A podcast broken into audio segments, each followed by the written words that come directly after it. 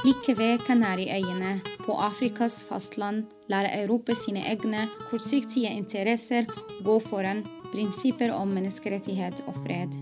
Velkommen til Sandfast, vår podkast om Vest-Sahara, den siste kolonien på det afrikanske kontinent.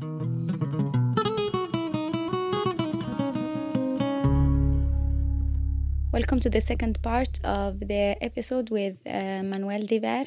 And we will continue talking about the court decision. So the at 2016 was to actually make things clear, especially the status of Western Sahara, and then the second one was about more technical, like uh, if Polisario. Yeah, could you say more about that? Yeah, regarding the, the new cases. So the thing that, uh, as I said, the law was very clear, uh, but there was a very cynical calculation uh, from the EU, and in yeah. two sense. The first one is that when you start litigation, you are actually bearing the risk of litigation.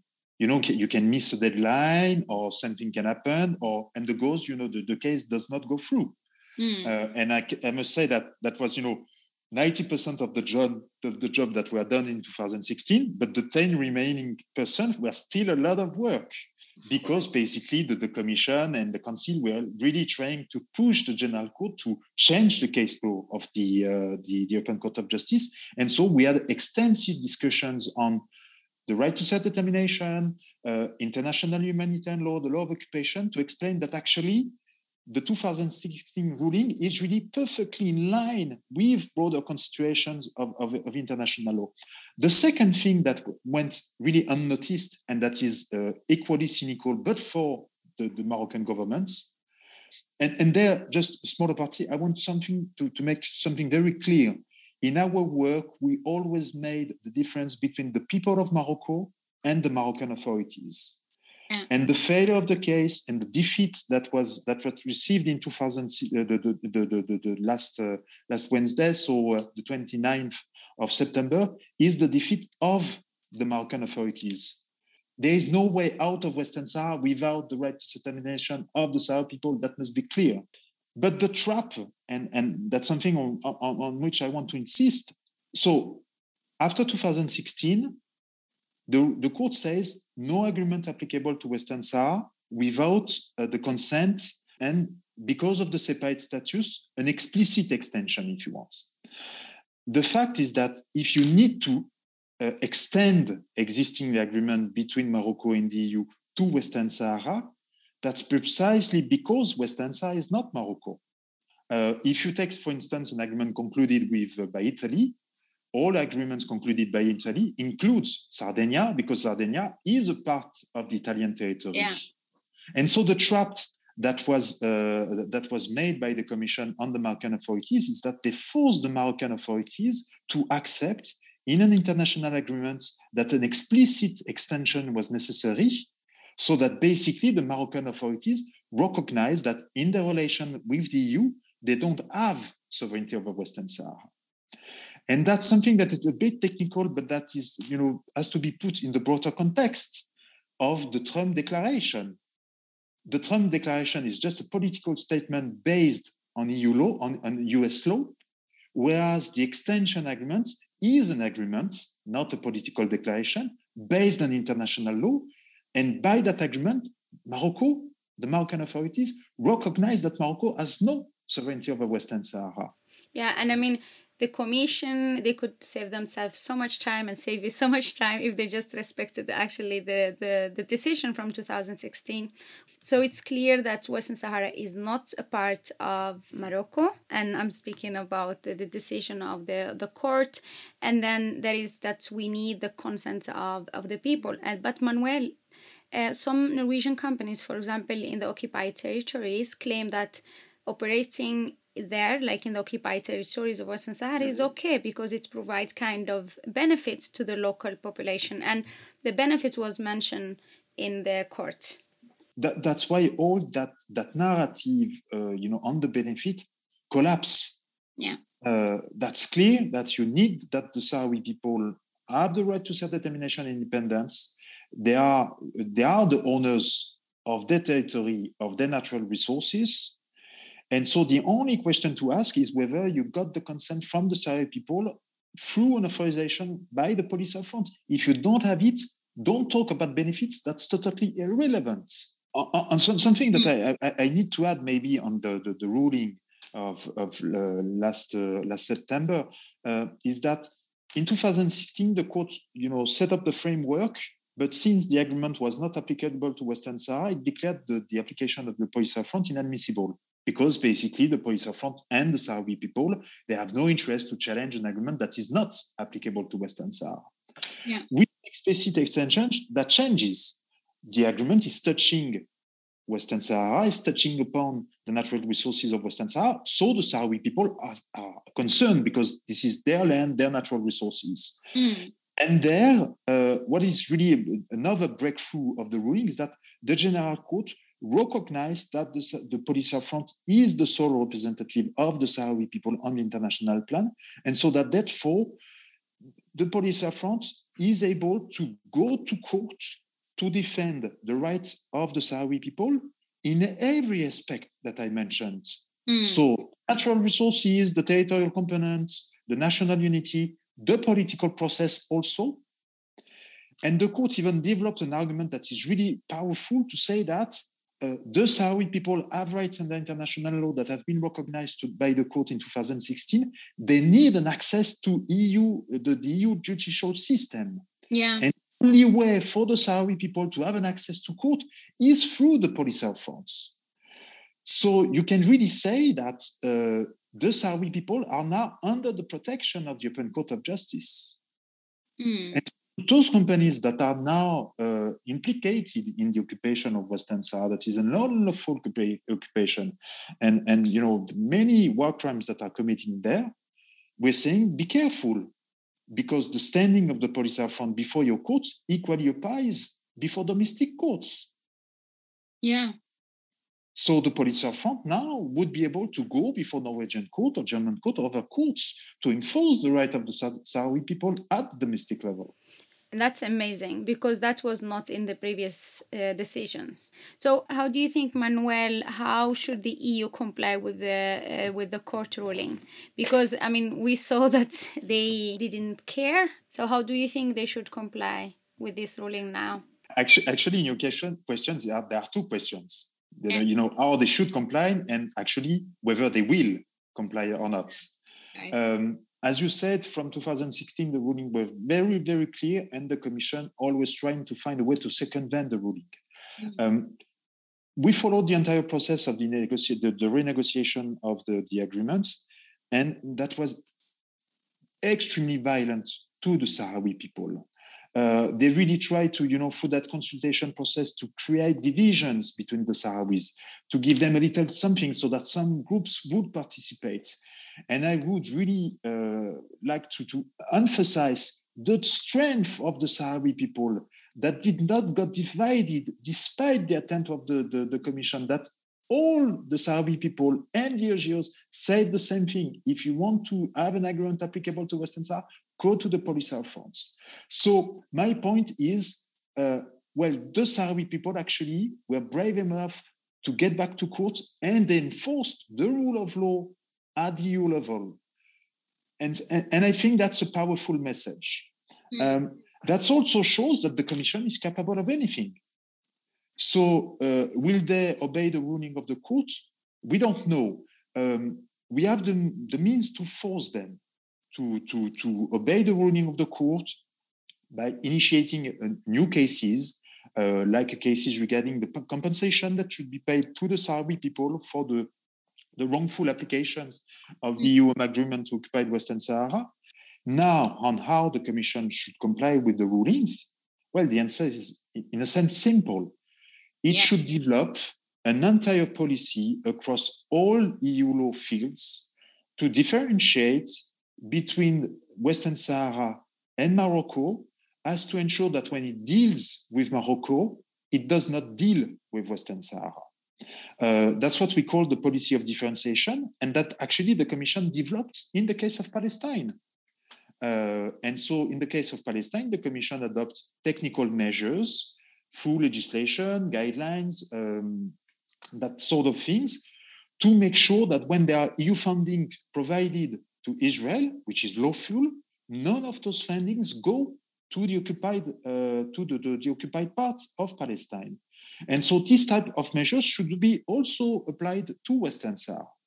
And there, the commissions for us, that's very clear, has two options. Whether they think that uh, that's necessary to remain in Western Sahara to help the political process. Why not? But then they need the consent of the Sahrawi people. So they have to engage with the Polisario Front. If they don't want, for diplomatic reasons or other reasons, to talk to the police Polisario Front, they are free not to talk to the Polisario Front. But then they have to leave Western Sahara. And if they don't, we will push them out. I mean, I hope they they are not in Western Sahara and that they would communicate with the Polisario because they are the representative of the Sahrawis, but then it's emphasized on the decision of the court. Manuel, I have been reading that there is interest in the EU to appeal to the decision of the court. Is that right? Regarding the technical aspect, this is true that when you have a, a, ruling by the General Court that is like the first instance court within the EU judicial system, there is an appeal that is possible before the European Court of Justice, which is the higher court. Uh, now, on the appeal, there are some things that are interesting to know is that if there is an appeal, we won't discuss the entire case again the Court of Appeal will decide only whether the General Court applied properly the law, interpret properly the law. So all the factual background will not be discussed uh, before the Open Court of Justice. So the, the, the, scope, if you want, of the questions are much narrower than during the first instance. The second thing also that you, you should be in mind is that uh, the, um, the, the, the, Commission or the Council, they will challenge the decision of the General Courts but that will be objectively uh, a difficult task, and they are not presuming on what would be the outcome, the final outcome. I would never do that. But I must emphasize that the, the, the two rulings of the General Court are extremely well argumentated, motivated, and so that puts them, the, the Commission, the Council, objectively in a difficult position in the sense that the two rulings of the General Court are two strong rulings, if you want. Now, regarding the, the possibility, so as I say, there is that, that option of the, the appeal. Uh, that appeal can be lodged by the Council, by the Commission, by uh, the member states that were there, France, but also Spain. And that will be interesting to see whether Spain assume politically to lodge an appeal uh, against the ruling of the court. So to betray a little bit more, I would say, the Sahrawi people after the, the shameful, uh, the shameless uh, uh withdrawal from Western Sahara in, in, in, 75. So technically, yes, the, the, the appeal is possible. Yeah. Yeah, the last question that I have, and I think we actually have talked about, and that's about private companies. The court ruled out, and we ruled out in our conversation, that companies can no longer use the benefit or that the local people are benefiting from their business. How does this ruling affect all the private companies that works in the territory the morocco contracts for exploitation of the sahrawi uh, resources? What are the next steps now in the legal battle? I mean you already answered that. Is that the you will force the the eu commission if they don't comply with the ruling. Regarding the, the effect on, on, on, on private companies, basically when you are foreign investors and you go to a foreign country there are two type of things that you can need. Is first one that's that's an, a proper authorization to operate your business by the, the, the authorities of that country. Then you can also have a contract with with these authorities you know providing what are the obligations that you have on your part the obligation of the authorities now when you have an investment in Western Sahara, all the authorization are given by the Moroccan authorities according to Moroccan law. But there, there is a big problem for private companies. Western Sahara has a separate and distinct status from Morocco. Morocco has no sovereignty over Western Sahara. So it means that Moroccan laws are not applicable to Western Sahara. And so authorities given by the Moroccan authorities uh, to private businesses have no value concerning Western Sahara. So basically, those companies took the decision to operate in a legal vacuum uh, with no guarantees at all. That's the, that's the first aspect, the first consequence, if you want, of the separate and distinct status of, of Western Sahara. So Morocco cannot deliver valid authorization to private investors. The second thing regarding the the the, uh, the, the, the second principle in the consent is that, as I said, there are contracts. And the code that was used by the, the, the, the, court in 2016 and recalled by the General Court in 2021 um, regarding the consent derives from a principle that we call the principle of relative effects. That is a basic contract law principle that apply to international treaties, but also to contracts. Uh, so, for instance, if I decide tomorrow to, to, to pass a contract, to sign it, to conclude a contract with you, the contract will be only binding on us, but we cannot impose obligation on a third party. And so uh, all the contracts that are concluded between the Moroccan authorities and private investors in relation to Western Sahara are wrongful acts because they intend to impose obligation on the Sahrawi people toward their lands, their natural resources without the consent. And I hear sometimes companies saying, well, but, well, the courts relied on, on public international law principles, but they're wrong. They relied on a basic contractual principle that exists under German law, Norwegian law, French law, any legal system. That's, that's, that's a principle that we got actually from Roman law that is really at the core of, of civil law and common law. So we really want to, to, uh, to, you know, to tell to these companies, be careful. What you're doing now in Western Sahara is illegal benefits is not a valid excuse. And if we go to court, we'll be able to force you to pay back compensations to the Sahrawi people.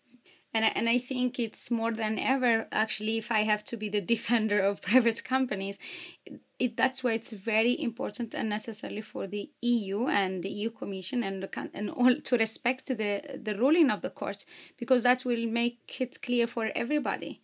If, for example, the EU respects actually the ruling of the court, I would imagine that there will be almost non-private companies in the occupied territories of Western Sahara. You're absolutely right about that. Uh, the, uh, the, the, the, private companies really use the umbrella of the EU to justify mm-hmm. their involvement on Western Sahara using the same narrative about the benefits, the same narrative about the consultation process and impact assessments. But that narrative collapsed regarding the EU. We will be able to push the EU out of Western Sahara and so, does that mean that you know, private investor will stand uh, all alone in the cold in Western Sahara in illegality without the coverage of the EU? Exactly. Uh, I don't see that happening. And I remember that in 2015, when we got the very first ruling, Total decided to disinvest from Western Sahara because it was becoming too risky for them yeah i think we are coming to the end to this uh, episode and i think you made it very very clear and if we have to conclude this in very like simple sentence that the eu court has been very clear on the status of the sahrawis in the international law right for self-determination they are the owner of their resources we must have the consent of the Sahrawis, and that's through their representative Polisario. I mean, the, the court could not be more clear than this. and then uh, I'm really looking forward to follow up with you and uh, with the EU also. If, just to conclude, maybe a few yeah. words about that. Uh, I really think that the Sahrawi people have been suffering over the last years, of course, of the occupation of Morocco, of Western Sahara by Morocco, but also of the fact that words were misused. If you want to talk about Western Sahara, talk about Western Sahara properly. There is a Sahrawi people, Western Sahara is not disputed. The Sahrawi people have sovereign rights over the territories, over the natural resources. And the question is only the consent.